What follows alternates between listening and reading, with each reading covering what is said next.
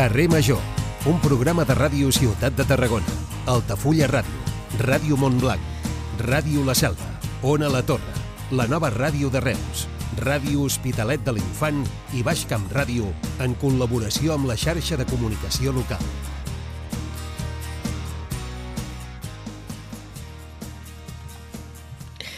Hola, bona tarda, benvinguts a Carrer Major, el programa de les 8 emissores del Camp de Tarragona.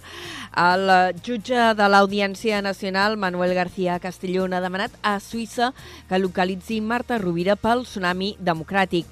El jutge també demana informació sobre un compte bancari que relaciona l'organització de les protestes. La Fiscalia, però, no veu clars tots aquests moviments del jutge García Castellón, i, de fet, ha presentat un recurs contra la decisió de l'Audiència Nacional d'enviar aquest cas, el del tsunami democràtic, al Suprem perquè investigui per terrorisme l'expresident de la Generalitat, Carles Puigdemont, el membre de la mesa del Parlament, Robert Pangetsberg, la secretària general d'Esquerra Republicana, Marta Rovira, i nou persones més. I, mentrestant, en paral·lel, enmig de tot aquest soroll judicial que deriva, en certa manera, també de la decisió de tirar endavant una llei d'amnistia, el govern espanyol ha celebrat avui la primera reunió del nou Consell de Ministres i per mostrar que van per feina i han anunciat que han iniciat la tramitació dels pressupostos generals de l'any vinent. A veure què ens tocarà al Camp de Tarragona, perquè de projectes penents i de compromisos adquirits aquí al territori en tenim molts damunt de la taula. I també de pressupostos. Avui, el govern municipal de Tarragona, liderat pel PSC, ha presentat la seva proposta. Diuen que serà el pressupost amb més inversió de la història. N'ha presentat els detalls la regidora d'Economia i Hisenda, Isabel Mascaró, que ha explicat també que el plenari per poder aprovar els comptes es farà la setmana vinent, concretament el dia 29 de novembre. Un pressupost que puja a 205 milions d'euros.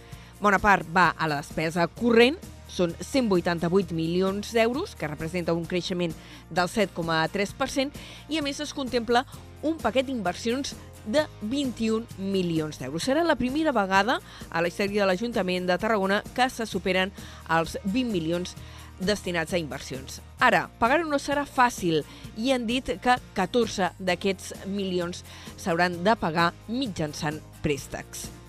I més qüestions, per cert, si sou usuaris de tren, alerta perquè Renfe ha comunicat que cancel·larà aproximadament uns 400 trens a Catalunya per la vaga contra el traspàs de Rodalies que es farà el 24 i el 30 de novembre i l'1, el 4 i 5 de desembre.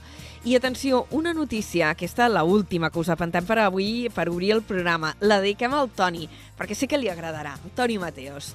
Barcelona dedicarà un mirador a Freddie Mercury a Montserrat Cavaller, un mirador que per estarà a tocar de la plaça de les Glòries. I un apunt Camp Tarragoní en aquesta proposta de nomenclàtor a Barcelona, perquè hi haurà una plaça dedicada als fotògrafs català, originari, ja ho sabeu, de Valls. Dit això, comencem Carrer Major, com dèiem, el programa de 8 emissores del Camp de Tarragona. L'equip el conformem l'Iri Rodríguez, l'Aleix Pérez, en David Fernández, la Gemma Ufies, la Cristina Artacho, l'Adrià Requesens, en Jonai González, l'Antoni Millado, Antoni Mateos, jo mateixa, que sóc l'Anna Plaça, i us acompanyo aquesta primera hora, i m'acompanya tocant botons en Iago Moreno. Comencem.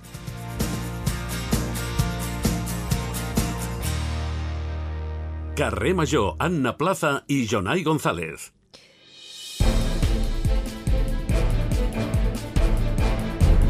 Quatre i set minuts, anem cap a repassar els titulars de les notícies més destacades del Camp de Tarragona, notícies que ampliarem d'aquí una estona. Jonai González, bona tarda.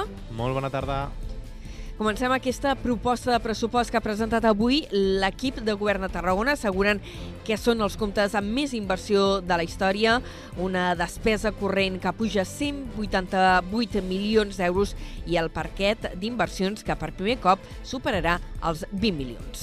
Per cert que ja sabem també la data d'aquesta votació que es farà al plenari del pròxim 29 de novembre i en total es tracta d'uns comptes de 205 milions d'euros.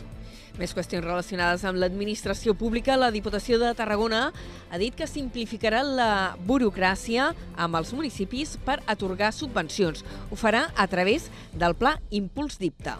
L'ENS també ha anunciat que durant els pròxims 4 anys destinarà 147 milions d'euros per ajudar els municipis en inversions i despesa corrent. Els serveis i la construcció van impulsar el creixement al Camp de Tarragona i les Terres de l'Ebre l'any passat, segons l'anuari econòmic del BBVA.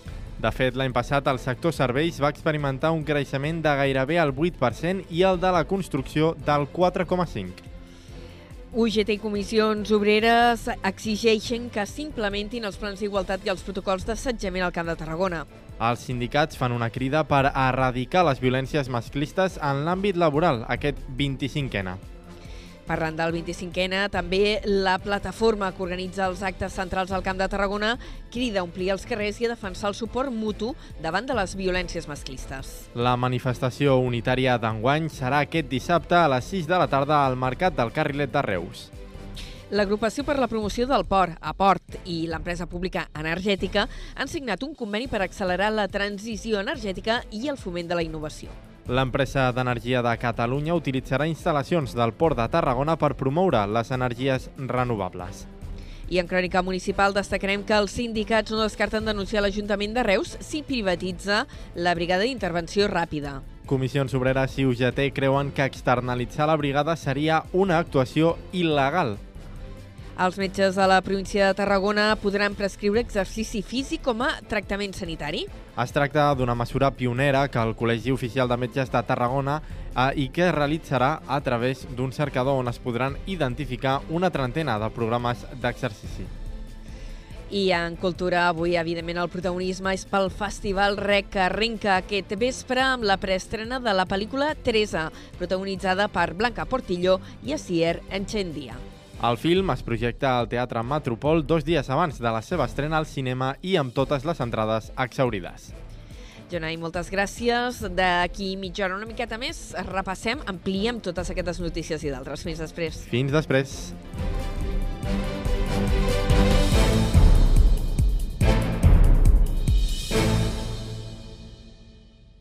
Carrer Major. Toni Mateos.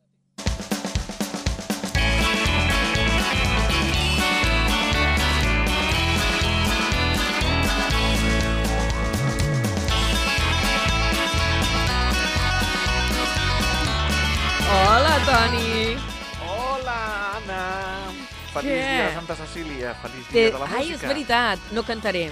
En No, honor no. a Santa Cecília et dic que no cantaré. Ben fet, ben fet. M'ha agradat molt això de la, del mirador de Freddie Mercury i Montserrat Caballé. Mola moltíssim. Ara, eh, clar, estic pensant plaça de les Glòries i teòricament allò ho estaven com anivellant tot. O sigui, no acabo de veure on serà aquest mirador, però... Allà, al, al centre, imagino que el centre comercial, a dalt de tot. Ah, pues, home, sí, però aquí no hi té competències l'Ajuntament, que és privat, això. Ara el que ha de fer l'Ajuntament de Barcelona és ficar una plaça també a Francisco Ibáñez, el pare de Mortadelo i Filemón. Home, i tant. Saps el que em va agradar moltíssim? Que els vull veure in situ als semàfors. el A semàfor, Barcelona sí, ja hi ha uns quants semàfors Mortadelo i Filemón i em, allà, em, allà on, em moro on, ha, per veure'ls. Eh, eh, on hi ha la, una de les biblioteques que va ser escollida una de les biblioteques més boniques del món. Sí? La biblioteca Gabriel García Márquez, doncs Sí. allà, que és el barri on, on vivia Francisco Ibáñez, doncs allà n'hi ha els semàfors. No els Escolta, he vist jo- um, presencialment. Tu ja els no. has vist? No, no, no, presencialment no. He vist les fotos, Jo però vull anar a veure'ls. Mira, això és com a Berlín, que, que tenen aquells ninotets tan Sí. peculiar amb el barretet, els semàfors, Home, doncs jo reivindico Mortadelos i Filemons a tots, tots els semàfors, no de Barcelona, Del món. de Catalunya. Home, Del del món tampoc cal. Bueno, bueno, estaria molt bé. Hi ha tot l'estat semàfors de Mortadelo i Filemón ben repartits, perquè és part de la nostra vida, és part de la... Bueno, Escolta. de la meva vida és... és i tant, digue'm, digue'm. I, I de la meva també, jo em vaig fer gran llegir Mortadelos. I- Uh, per, mira, ara la canalla menja uh, mirant mòbils, jo menjava mirant Mortadelos. És veritat, la diferència, eh? Ara volen prohibir els mòbils fins als 18 anys i prohibir els mortadelos fins als 18 no, no ho han fet mai. Però bueno, No. Mm, Una altra coseta, Toni, és que avui això ho acabo de llegir ara. Saps quin personatge ha reaparegut avui? qui ha reparegut? Fernando Simón. Visita el Parlament i es retroba amb, les conse amb Salvador Illa i, bueno, clar, que llavors era ministra i la consellera, que llavors era consellera de Sanitat, Alba Vergés. ¿Qué te parece? S- aquell senyor que el dia que per la pandèmia veiem cada dia ens havíem oblidat, continua viu i fa coses. Va, i tant, no, no. Ell sempre ha estat treballant, el Fernando Simón sempre ha estat treballant. El, el, el que passa és que durant la pandèmia es va fer tan mediàtic el, Tan el pobre famós. home, tan famós. No sé si ho va escollir. No, jo crec que li va tocar i... Li va tocar... "Tst, tst, Te toca donar la cara, nen. Pobre, Va. quin marrón, eh? Però marrón, però dels grans, eh? Sí, sí. Don Fernando Simón. Eh, pues bueno, pues una, me comí una almendra, tal, y tal. El pico que sube, el pico que va. Me va fer fer molta gràcia les imitacions del, del Fernando Simón. Sí, sí. Doncs avui el tenim al Parlament. Fantàstic. Toni, va, eh, que ens enrotllem i jo m- m- m'aperdo, m'aperdo. Sí, Ah, ens esperem sí. aquests minutets. Mira, Uh, Doncs digue'm, avui a fem- partir de les 5. a par avui a partir de les 5 fem un puzzle d'aquells tremendos, perquè primerament farem la furgoneta, perquè hi ha el Festival Rec, s'inaugura Ai, i hem tant. de parlar amb el seu director artístic, el Javier García Puerto, hem de parlar abans de la inauguració perquè després no ens pot atendre. Torreny Per de pro, per cert. Ah, exacte. Farem la furgoneta primerament. Després parlarem amb el Mohamed Said Badawi, que ja fa un any que el Va- van expulsar flipant. de l'estat espanyol. Sí, sí, fa un any. Flipant, un any ja ha passat. Un any, sí, sí, sí, sí. sí. Doncs mira, parlarem ens amb ell. de- les peripècies. Exacte. Parlarem avui també amb el Joan Reig, el Home. músic, bateria dels Home. Pets, mític bateria dels, Pets, dels Pets, que divendres està a Madrid i diumenge, eh, tancant eh, la seva gira del Bagatzems, al, del Bagatzem al Festival Accents, banda sonora del camp, i si ens dona temps, perquè avui anem molt apretats, els Tonis, dia de Santa Cecília, parlarem de fraus musicals. Ah, Et diré molt dues bé. paraules. Et diré dues paraules. Mili Vanilli. Home, però aquests són uns clàssics. bueno, doncs pues mira, un, el pitjor frau de la història de la música. Mili Doncs- Vanilli. Mili Vanilli. Ostres, però això és de quan tu i jo érem petits, eh, xaval? Bueno, i- però no s'oblida mai, eh? No No s'oblida. s'oblidarà mai, això. Tot això a partir de les 5 de la tarda amb Toni Mateus i companyia i ara anirem a tractar altres qüestions. Toni, fins després, moltes gràcies. Una abraçada. Fins ara. Petonets, adéu.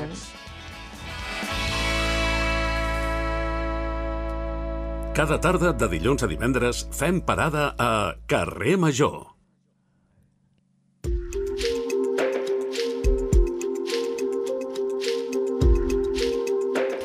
Un quart de cinc de la tarda, hem presentat el programa, hem fet titulars, hem fet una mica de broma amb Toni Mateus, hem avançat els continguts de la segona hora i ara us explicaré en qui entrevistarem tot seguit. És tarragonina, treballa a Barcelona, és la Marta Casany, directora general de Protecció Civil, i l'hem convidat perquè el dia 30 de novembre, la setmana vinent, hi ha un nou simulacre del Pla Secta. I en tenim ganes de que ens expliqui tots els detalls i poder parlar de seguretat de química i dels avenços que s'estan fent en aquest àmbit. La tenim als estudis de Ràdio Ciutat de Tarragona. La saludem, senyora Casany. Bona tarda, benvinguda. Bona tarda i gràcies per haver-me convidat. Ara ja fa temps que, que ocupa el càrrec de directora general. Abans havia estat eh, directora territorial d'Interior aquí a Tarragona, per tant, coneixedora de prop eh, d'aquestes dificultats que implica gestionar tota la qüestió d'emergències químiques. Sí, efectivament, tot l'àmbit de Tarragona, tota la demarcació, doncs, són molt coneixedors no? i molt sensibles al que és tota la química i allò que comporta, no? el risc que comporta eh, la seva activitat. Uh, directora, dèiem, simulacre la setmana vinent, concretament el dia 30, ja heu anunciat on el fareu, serà al polígon Constantí, concretament a una empresa Sarpi dedicada al tractament de residus. Per què heu escollit aquesta casuística concreta? Bé, eh, mm, parteix una miqueta del simulacre que vam fer l'any passat. L'any passat, al novembre, vam fer un simulacre també de gran abast, en el qual hi va participar tota la població dels municipis afectats pel pla secta i en el qual eh, el que vam fer va ser un simulacre de confinament. Es va demanar a la població, quan a vegades doncs, sentís les sirenes, es posés doncs, en aquesta situació no? de, com si fos en un carrer alt i practiqués el confinament. En aquell moment doncs, vam detectar que pel que fa als polígons industrials i sobretot per part d'aquelles empreses que no eren empreses de risc químic però que sí que tenien aquesta afectació perquè eren veïnes doncs, de, de d'indústries amb risc químic, doncs, eh, ens van fer arribar doncs, una miqueta doncs, aquest input de que necessitaven també doncs, practicar-ho i conèixer doncs, ben, més, més de prop el que és la seva casuística dintre doncs, d'un doncs, establiment industrial. I per això doncs, eh, vam considerar que el polígon Constantí, que també és un polígon eh, dintre del que és el Pla Secta, doncs era un lloc doncs, molt, eh, molt bo i molt indicat doncs, per fer un simulacre eh, allí. El que passa que aquesta vegada el simulacre que farem no és tant un simulacre que afecti la població, sinó molt circunscrit al que és el polígon i el, també una de les diferències amb el que vam fer l'any passat és que aquesta vegada hi haurà un desplegament operatiu eh, de tota l'estructura del pla secta. Què vol dir això, desplegament operatiu de tota l'estructura de Pla Secta? Vol dir que, per una banda, eh, els organismes que són territorials, que són organismes que estan aquí a, a Tarragona, eh, el delegat del govern, que és el director del pla, el, el Consell Assessor, el Comitè Tècnic, eh, són òrgans territorials de, que són els que d'alguna manera fan aquesta organització i gestió de l'emergència i aquell dia doncs, es constituiran i doncs, practicaran també doncs, aquest simulacre. D'altra banda, doncs, tots els cossos operatius, com ara els bombers, els Mossos, eh, a, a l'equip del grup ambiental, eh, SEM doncs, participaran de manera efectiva en el simulacre i, per tant, eh, simularà que hi ha aquest accident, eh, que acudeixen els bombers perquè es produeix una fuga, es faran les mesures de, de la fuga, es vigilarà doncs, com va evolucionant l'accident, eh, també dintre del simulacre hi haurà persones ferides que atendrà el SEM i, per tant, es farà tota aquesta coordinació de tot el, el desplegament operatiu que participarà. I també hi haurà un confinament eh, del polígon, és a dir, els Mossos faran eh, aquest confinament perimetral de tal manera doncs, que també, a part de que s'han de confinar dintre dels seus establiments, tampoc es podrà accedir durant el simulacre al que és el perímetre del, del polígon Constantí. Un exercici que presentàveu ara fa uns dies, eh, ja vau anunciar que afectarà 400 empreses d'aquest entorn del polígon Constantí, 3.000 treballadors, però la pregunta que em faig és quants eh, professionals del sistema d'emergències mobilitzareu aquest dia per participar en aquest simulacre? El nombre exacte ara no, no el tinc, però sí que puc eh, dir-vos doncs, que hi participaran tots els col·lectius que ara, que ara us he indicat.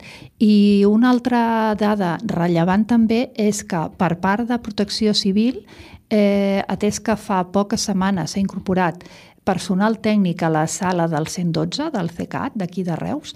Eh, aquest personal tècnic serà el que farà el seguiment d'aquest simulacre i seran els que eh, fan sonar les sirenes, eh, enviaran el missatge d'alerta al mòbil, perquè també enviarem un missatge d'alerta com es faria en un cas real, i per tant serà la primera vegada que des de la sala de Reus, doncs a nivell tècnic doncs tindrem aquest personal especialitzat que farà tota la coordinació de l'emergència.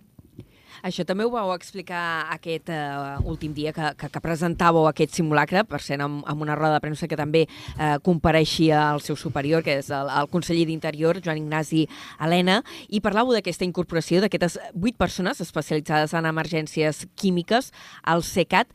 Què implica la incorporació d'aquest uh, personal que farà un seguiment, pel que vau dir, 24 hores tots els dies de l'any? Sí. Quin canvi suposa això? Eh, sí, eh, aquestes persones estan en aquella sala, com molt bé dius, 24 hores eh, tots els dies de l'any. I són persones que tenen un grau d'especialització important i a part coneixen el territori i el risc químic. Per tant, eh, en el moment en què es produeix alguna incidència o doncs, alguna emergència, doncs aquesta especialització i aquesta territorialització doncs, eh, és un element important eh, per tal doncs, de, de gestionar les emergències del pla secta. Eh, tot això deriva una mica mm, del desgraciat accident d'Iquoxe, que sembla mentida, però al gener farà 4 anys. eh, que va sentar també un abans i un després i va fer eh, que el territori eh, es mobilitzés per recuperar aquesta gestió de, del pla secta, del pla eh, de seguretat exterior de les químiques de Tarragona, que en un moment s'havia centralitzat a, a Catalunya dintre del Pla SecCat i es va recuperar una altra vegada eh, la gestió territorial. Eh, passat ja un cert temps, eh, quina valoració feu d'aquesta recuperació de, per dir-ho d'alguna manera, de competències des del territori? Bé, la veritat és que des d'aquell temps que és veritat que ja han passat quatre anys, eh, s'han fet moltes coses i se'n continuaran fent i totes elles han estat eh, en, en més inversió, en més dedicació d'esforç, d'eines de, i d'actuacions. Hem fet la, una campanya eh, de sensibilització que és la més important que s'ha fet fins ara i que aquesta campanya encara no s'ha acabat. De fet, eh, dintre de, pro, de poquetes setmanes, eh, totes les famílies eh, dels municipis del Placecta rebran a casa seva també un material eh, informatiu de què fer en cas d'accident. També dintre del material hi haurà eh, un imant, que també és un element doncs, que antigament també s'havia eh, tret un imant sobre el placecte i pensem que, que perdura i tota la informació necessària que arribarà a les cases de, de totes les persones eh, del, dels habitants dels municipis, a part de la campanya que ja fa un temps de l'efecte bombolla i que continuarem doncs, encara eh, fent més campanya de l'efecte bombolla. A part d'això, eh, recordem que a part d'aquesta recuperació important del pla secta en el territori, d'aquesta estructura territoriana del Camp de Tarragona, de les estructures organitzatives i de gestió del pla, hem de dir doncs, que eh, s'han incrementat el nombre de sirenes, eh, ara tenim 13 sirenes més, en total tenim 49 sirenes, per I... això també li anava a preguntar per aquesta, que això sí. també és una d'aquelles coses que hem anat uh, desgranant, no? a poc a poc que s'anirien sí. ampliant el tema de les sirenes. En queden encara per instal·lar més? Eh, expliquem en quina fase sí. es troba aquest tema. Eh, estan ara en procés de licitació dues sirenes més pel Pla Secta val? que l'any 24 seria quan ja s'adjudicarien i es podrien instal·lar. Per tant, encara que dues estaran, més. Eh, una estarà a Tarragona, eh, pel port, mm, la ubicació ara doncs és, eh, és propera al port o dintre del port, però encara no està establert tècnicament el punt exacte, però és el port, i una altra eh, a Vilaseca. Eh? Aquestes són les dues que, sirenes que es posaran l'any vinent. D'altra banda, eh, pel que fa al projecte de sensors, sensors de detecció de substàncies tòxiques, eh, doncs també us anuncio que justament el dia 17, o sigui, fa no res, tres dies, es va mm. publicar ja en, el, en els butlletins oficials el que és la licitació d'aquest projecte de, de sensors, que són 575 sensors, que, estarà, que s'instal·laran doncs, tant al polígon sud com al polígon nord i que el que faran serà doncs, ser una xarxa no, de, de detecció de núvols tòxics i que detectaran fins a vuit substàncies diferents. Eh? Per tant, ara Anem ja explicant... hem Digue'm, digue'm. I anava, anem explicant per parts això, perquè de fet doncs, ha anat ràpid el tràmit, perquè aquest tema va passar per Consell Executiu, sembla que no fa eh, ni dues setmanes, eh, que s'aprovava obrir el concurs, ara ja està publicat, és a dir, que ja hi ha empreses que poden presentar ofertes eh, per, per proporcionar aquests, aquests censos, i heu seleccionat, eh, o la voluntat és que siguin capaços de detectar vuit substàncies diferents. Mm, per què s'ha fet aquesta selecció de substàncies i quin tipus de substàncies estem parlant? Sí, ni que ara sembli que ha anat ràpid perquè ho va aprovar el govern i ara s'ha licitació, la veritat és que la feina de poder treure aquesta licitació ha estat llarga i complexa.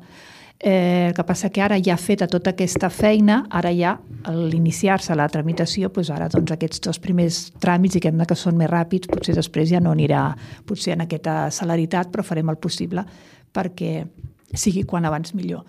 Però ha sigut molt complexa perquè a part no teníem cap referent, és a dir, que nosaltres coneguem, mm, no hi ha cap altre projecte semblant que s'hagi fet fins ara de sensorització d'una instal·lació química. Per tant, en aquest sentit, eh, els elements que teníem de referència no existien i, per tant, per això he tingut aquesta dificultat afegida al fet de, de preparar aquesta licitació.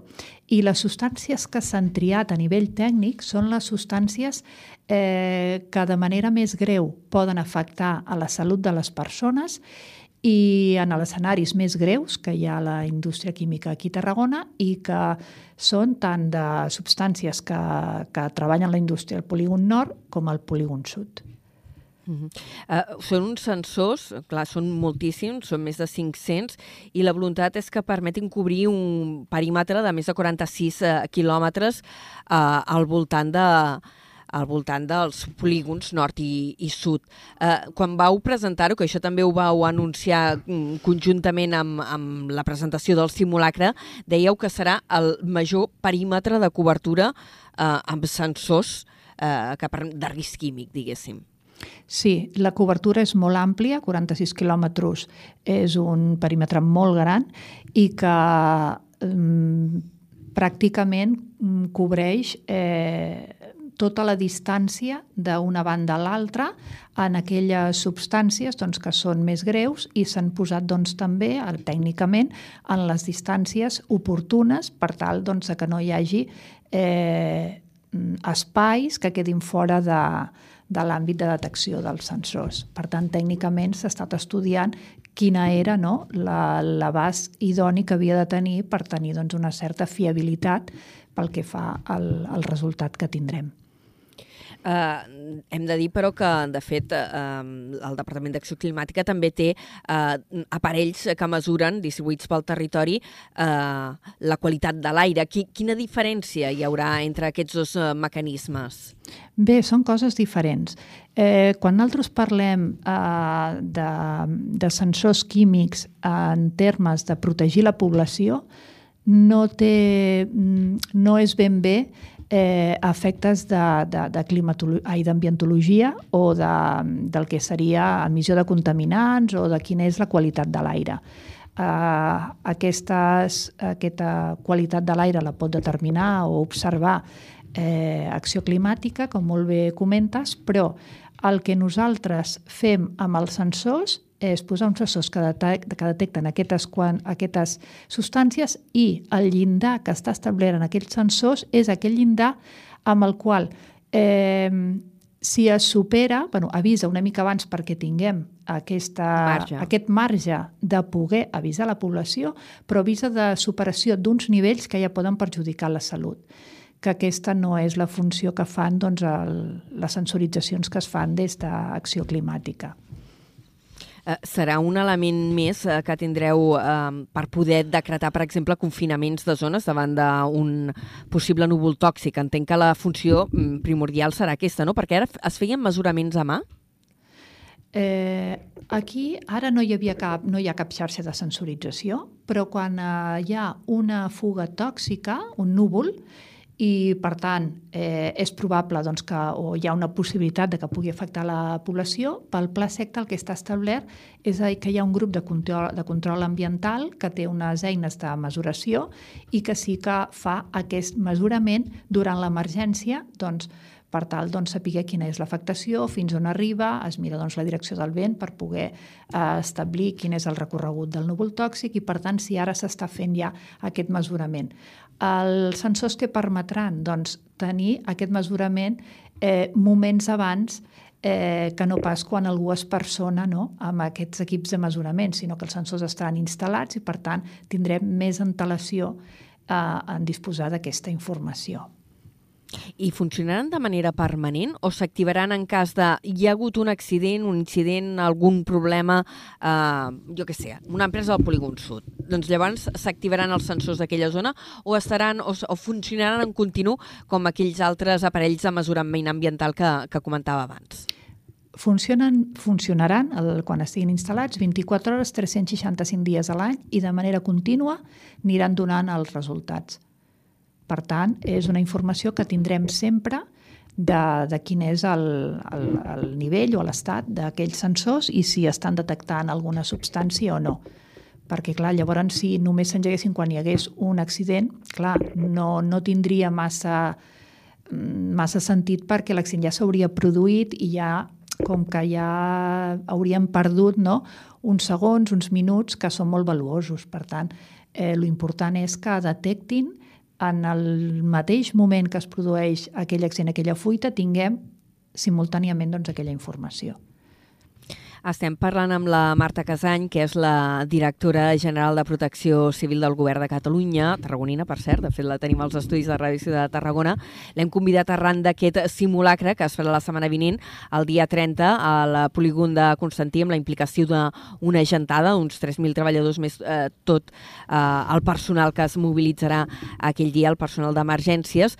Eh, de fet, de simulacres, eh, ara feu aquest, però mm, ja no només se n'estan fent aquí a l'àrea del Camp de Tarragona, on ja estem com a molt sensibilitzats amb tota aquesta qüestió, sinó que s'estan fent exercicis regulars, ja sigui de so de sirenes, d'activació eh, d'aquest nou sistema d'avisos dels mòbils, en altres punts de Catalunya també. Sí, recordem doncs, que a part del pla secta tenim un altre pla que és el pla SECCAT, que és eh, la resta, que també és un, un nombre doncs, eh, important d'empreses químiques que estan a la resta de Catalunya. I, per tant, ara fa, fa poques setmanes vam fer les proves de sirenes, de risc químic, i vam fer proves doncs, tant a l'àmbit del pla secta com a l'àmbit de la resta d'indústria química de Catalunya. Aquí a Tarragona recordem que la vam fer el 20 de setembre. Són unes proves de sirenes que ara també es fan acompanyades del missatge d'alerta al mòbil perquè si hi hagués un cas real així es faria, sentiríem les sirenes i, uh, i rebríem el missatge al mòbil i per tant en el simulacre també ho fem així. I doncs cada any doncs, farem eh, aquests simulacres de, de sirenes com sempre s'havien fet fins ara. De la mateixa manera que també cada any farem un simulacre del pla secta un simulacre complet com el que fareu la setmana que ve, el sí. dia 30. Uh, eh, ara que deia el sistema d'avisos als mòbils, la primera vegada que el vam provar uh, hi va haver incidències tècniques, en principi això ja s'havia resolt, ara que ja heu tingut uh, possibilitat de provar-lo en més ocasions en aquests diferents exercicis que s'han anat fent no només aquí al Camp de Tarragona, sinó en altres punts de Catalunya, què, com està funcionant? La valoració és bona. Eh? L'elaboració és bona i funciona bé, correctament.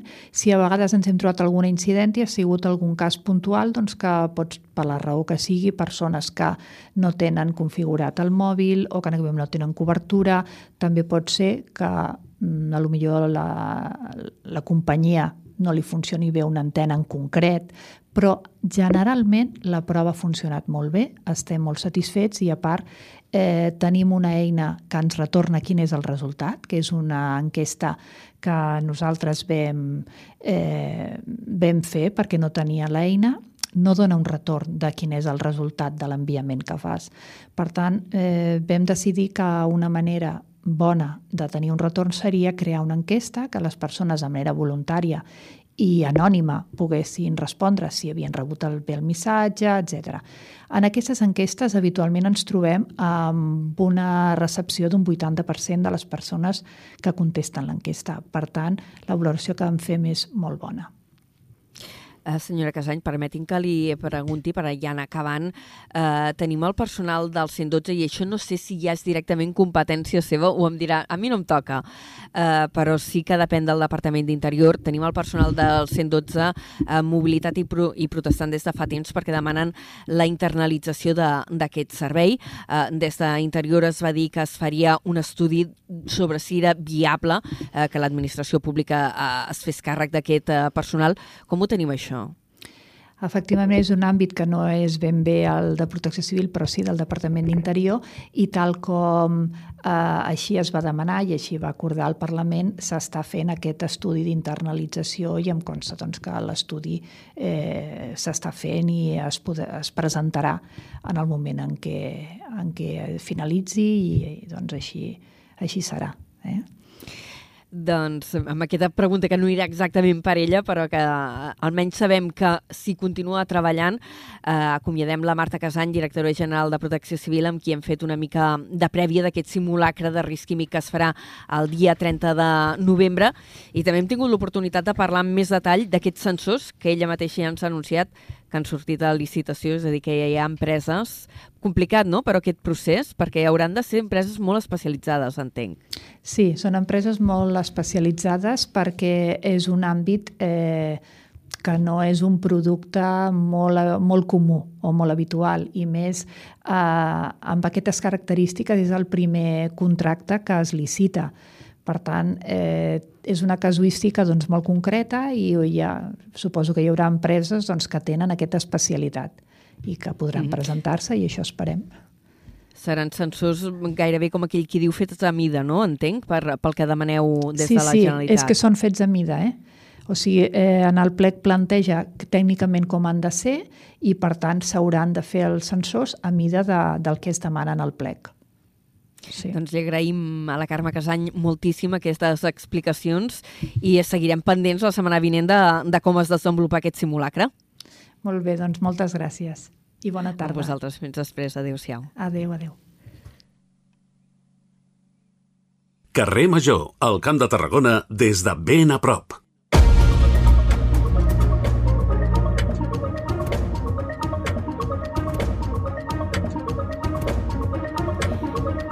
Són les 4 i 38 minuts. Avui a Carrer Major hem conversat amb la Marta Casany, la directora general de Protecció Civil d'aquest simulacre que es farà la setmana vinent. Això és notícia, però en tenim moltes altres de destacades que ara tot seguit ampliarem. Avui l'atenció fixada en primer lloc a Tarragona. L'equip de govern municipal, eh, format pel PSC, ha presentat la seva proposta de pressupost per l'any vinent. Diuen que contempla la inversió més alta de la història. El detall dels comptes els ha presentat la regidora d'Economia i Hisenda, Isabel Mascaró, que ha afirmat que no retallaran serveis ni la seva qualitat. Això només un mes i escaig després d'haver advertit que l'Ajuntament eh, podia entrar fallida eh, per les dificultats i les tensions de tresoreria eh, que feien eh, perillar el complir amb la despresa corrent.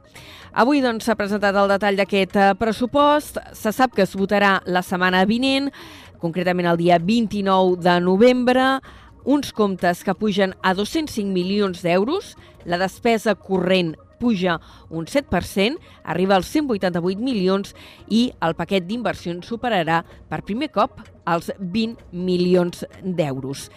Jonai González, bona tarda.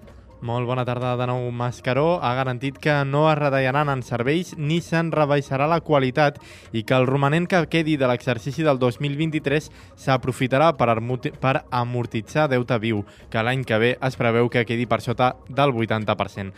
Mascaró ha comentat quines són les prioritats d'aquests comptes. Les prioritats d'aquest pressupost són l'impuls a l'activació econòmica i promoció de la marca de ciutat, Tarragona, l'habitatge social, cultura, aposta pel patrimoni, esports i la millora en la transició energètica. Per quadrar els comptes sense rebaixar serveis, el govern municipal proposa una retallada del 5% a les empreses municipals, a més d'aconseguir més fons amb l'increment de les ordenances, amb el refinançament de crèdit ICO i amb la injecció de 2 milions procedents de l'Estat, entre altres. La consellera ha celebrat que han aconseguit quadrar el pressupost.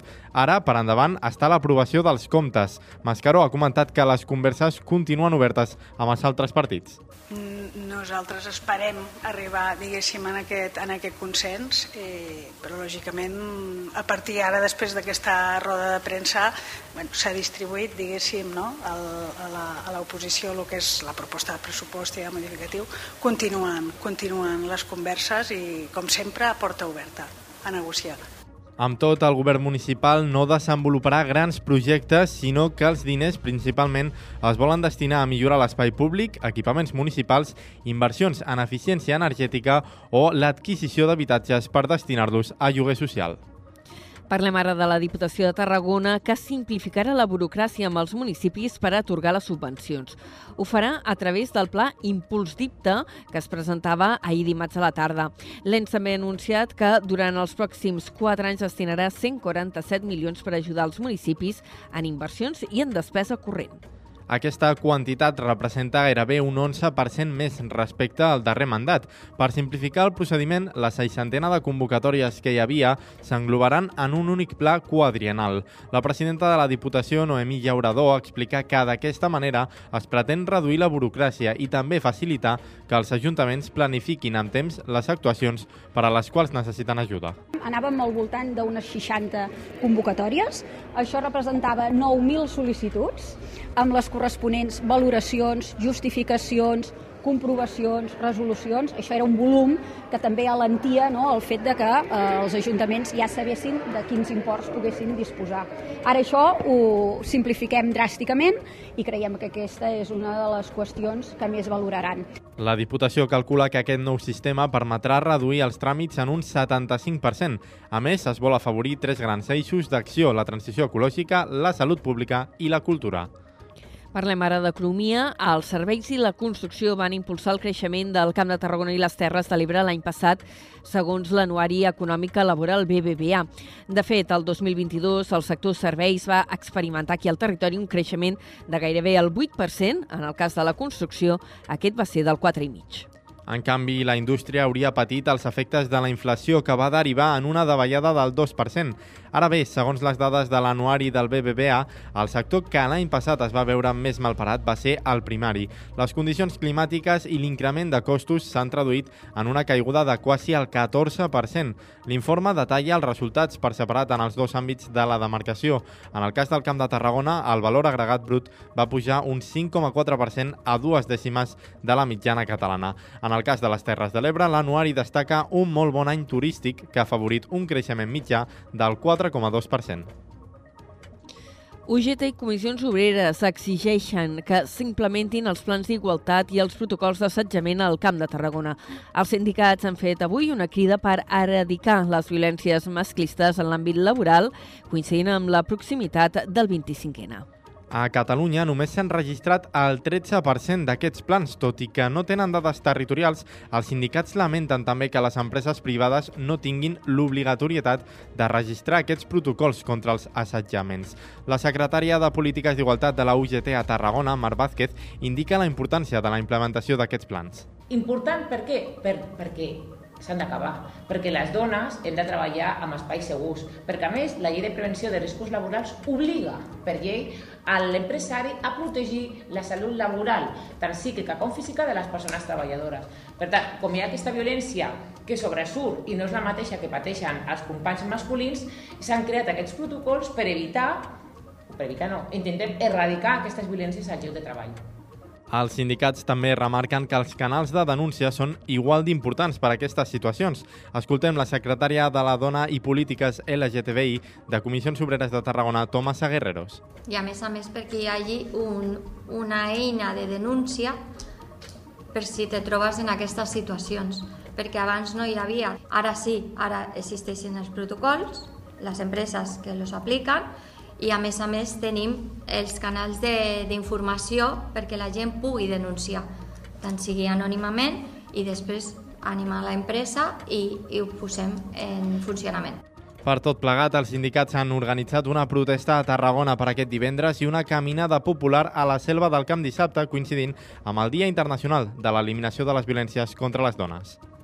Per cert que la plataforma 25N del Camp de Tarragona crida també a omplir carrers i defensar el suport mutu per fer front a les violències masclistes.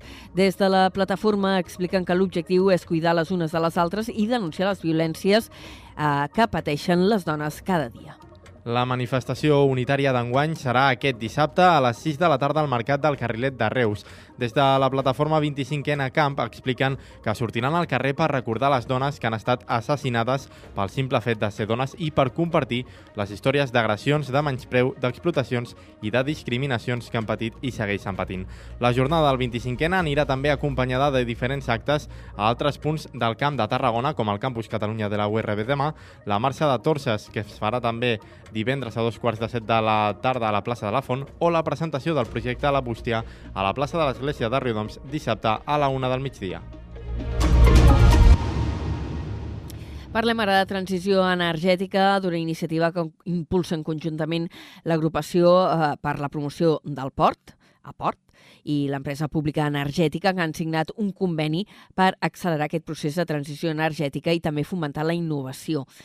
A través d'aquest acord, l'empresa d'energia de Catalunya podrà utilitzar instal·lacions portuàries per promoure les energies renovables.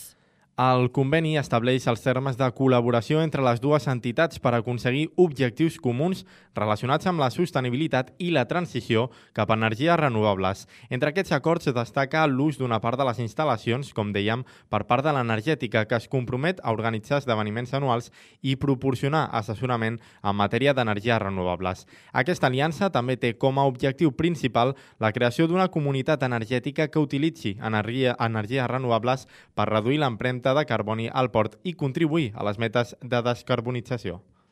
I parlant encara de transició energètica, els experts que durant els darrers dies han estat participant en la Hydrogen Week, que s'ha fet també al Port de Tarragona, es mostren partidaris de fer servir hidrogen blau, és a dir, el produït en part fent servir energia d'origen fòssil en lloc d'esperar a poder disposar d'hidrogen verd, el que es fa produït únicament amb energies renovables.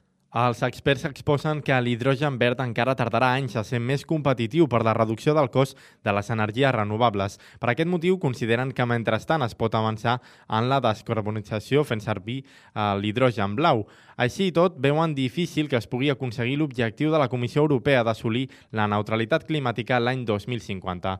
Míriam Díaz de Bernardos és directora de la xarxa d'innovació en tecnologies de l'hidrogen renovable de Catalunya Eurecat i utilitzar un hidrogen que sigui que tingui una petjada de carboni inferior, no zero, però inferior, aplicar-ho en sectors com el de mobilitat petroquímica, siderúrgica, cementera, i aquí ja aconseguim un impacte en la descarbonització molt important, no?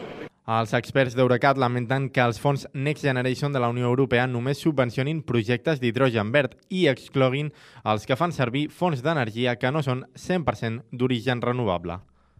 Ens endencem ara la crònica municipal, situats en primer lloc a Reus, on els sindicats no descarten denunciar l'Ajuntament si privatitza la brigada d'intervenció ràpida. Comissions Obreres i UGT creuen que externalitzar la brigada seria una actuació il·legal. Ens ho explica des de la nova ràdio de Reus, en David Fernández. Els sindicats alerten que la creació d'aquesta brigada suposaria una duplicació d'un servei que ja dona la brigada municipal de l'Ajuntament, un fet que consideren irregular i il·legal. A més, subratllen que la privatització inclouria un increment de la despesa pública perquè també s'hauria de comptar el percentatge de benefici industrial del contractista, un impost del 21% que hauria de pagar la ciutadania. Això, segons asseguren, acabaria desencadenant en una reducció del personal públic a mig termini. Els sindicats avisen que actualment la brigada municipal treballa de manera agònica i precària perquè el consistori no facilita ni els materials ni els mitjans necessaris per desenvolupar les seves tasques. També expliquen que si l'Ajuntament invertís en l'actual brigada municipal els 700.000 euros destinats a la privatització, s'aconseguiria una brigada actualitzada i optimitzada. A més, recorden que durant l'anterior etapa socialista encapçalada per Lluís Miquel Pérez, l'Ajuntament de Reus ja va intentar privatitzar la brigada, però es va evitar gràcies a les pressions de la plantilla i els sindicats del moment. Finalment, Comissions Obreres i UGT amenacen amb tirar endavant les accions jurídiques pertinents si s'acaba externalitzant el servei. I per ser un altre punt relacionat amb Reus, perquè la Unió de Botiguers eh, de Reus ha rebut un ajut dels fons Next Generation eh, per poder dedicar diners a la formació dels treballadors de les empreses. Un ajut que puja a més de 700.000 euros. Dit això, anem cap a Torre d'Embarra, on demà hi haurà ple a l'Ajuntament que abordarà algunes modificacions puntuals al Pla General d'Ordenació Urbana. Es debatrà l'aprovació provisional, per exemple, d'una permuta de zones verdes de l'entorn del cementiri amb un altre espai a la Malla 13. A tocar declarar. Ens ho amplia des d'Ona la Torre en Josep Sánchez.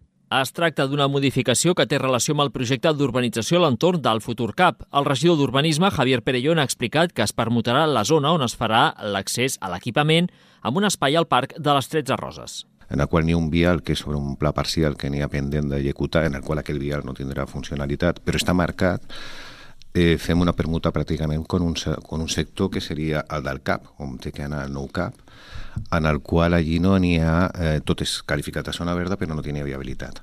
Està la carretera, però no n'hi ha una habilitat interior. A més, el ple també es preveu aprovar una modificació de crèdit de 160.000 euros per despeses de gas, calefacció informàtica i telèfon. També es debatran quatre mocions per condemnar els atacs a la població civil a Gaza, per regular els pisos turístics, sobre el servei de la piscina municipal arran de les obres als vestidors i per demanar el fraccionament del pagament de l'IBI en sis terminis. Anem ara a una notícia d'àmbit social. Els metges de Tarragona eh, podran prescriure exercici físic com a tractament sanitari. Es tracta d'una mesura pionera que el Col·legi Oficial de Metges de Tarragona ha presentat aquest matí. En té tots els detalls l'Arnau Curtó des de Ràdio Ciutat de Tarragona. L'objectiu d'aquesta proposta és, d'una banda, visualitzar la necessitat de potenciar la prescripció de l'exercici físic com una forma de fer salut.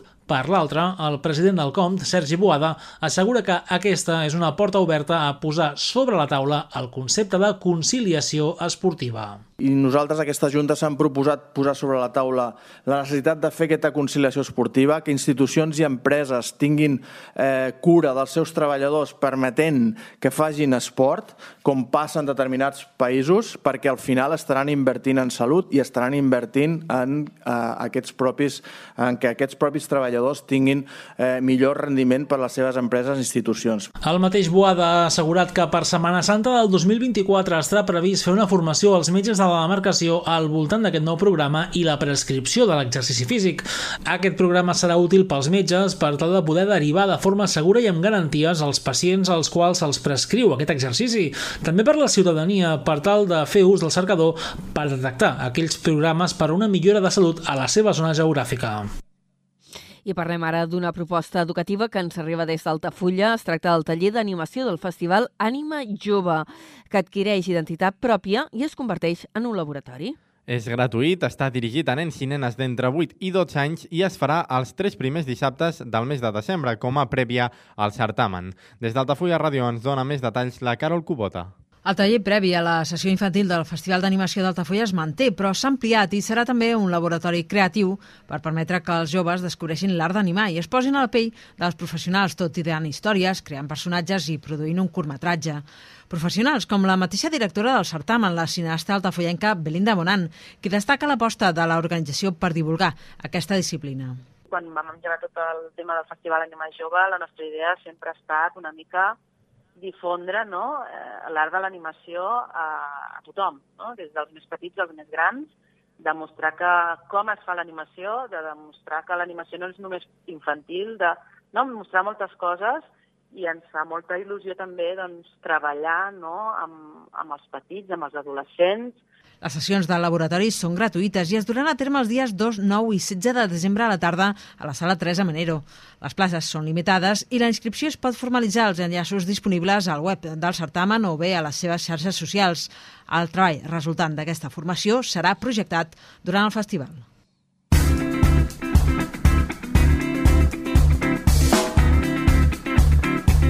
Anem a parlar de cultura i, evidentment, avui protagonisme pel Festival Rec de Cinema de Tarragona, que arrenca aquest vespre amb la preestrena de la pel·lícula Teresa, protagonitzada per Blanca Portillo i Asier Etxendia. El film es projectarà al Teatre Metropol dos dies abans de l'estrena oficial al cinema i amb totes les entrades per avui exaurides. El certamen s'allargarà fins al 26 de novembre amb un total de 25 films. Com és habitual, hi haurà diverses seccions. L'oficial, amb 10 pel·lícules a concurs, és Òpera Prima. També hi haurà projeccions especials, sessions vermut, el cicle afro i un dedicat al 25ena. La novetat d'aquesta edició és pantalla Tarracó amb projeccions al bar Alquimista i amb la voluntat d'oferir propostes més íntimes i arriscades i en un entorn patrimonial. Eva Vallès és la directora executiva del REC. Com a gran novetat la sala Tàrraco, aquesta pantalla Tàrraco que parlàvem, de buscar de fer projeccions en espai més petits, en projeccions com gairebé íntimes, no? de molt poca gent i sempre amb un entorn patrimonial. Aquesta potser és la, la gran novetat d'aquest any. El rec es clourà amb la preestrena del Libro de las Soluciones de Michel Gondry i tancarem explicant-vos eh, dos homenatges a artistes del territori. D'una banda, l'Ajuntament de Reus ha comunicat que demà dijous col·locarà una placa a la casa natal de l'escriptor Javier Morós, un acte que coincideix amb la commemoració del centenari del seu naixement. Eh, d'aquest autor, que per cert va morir recentment. I la Generalitat també eh, han adquirit el fons fotogràfic de Francesc Català Roca. Es tracta d'un d'extens llegat que ara s'incorporarà al fons de l'Arxiu Nacional de Catalunya. Dit això, tanquem la primera hora de Carrer Major demà i tornarem amb moltes més notícies. Continua el programa ara, amb la segona hora, amb Toni Mateos i companyia. Fins després.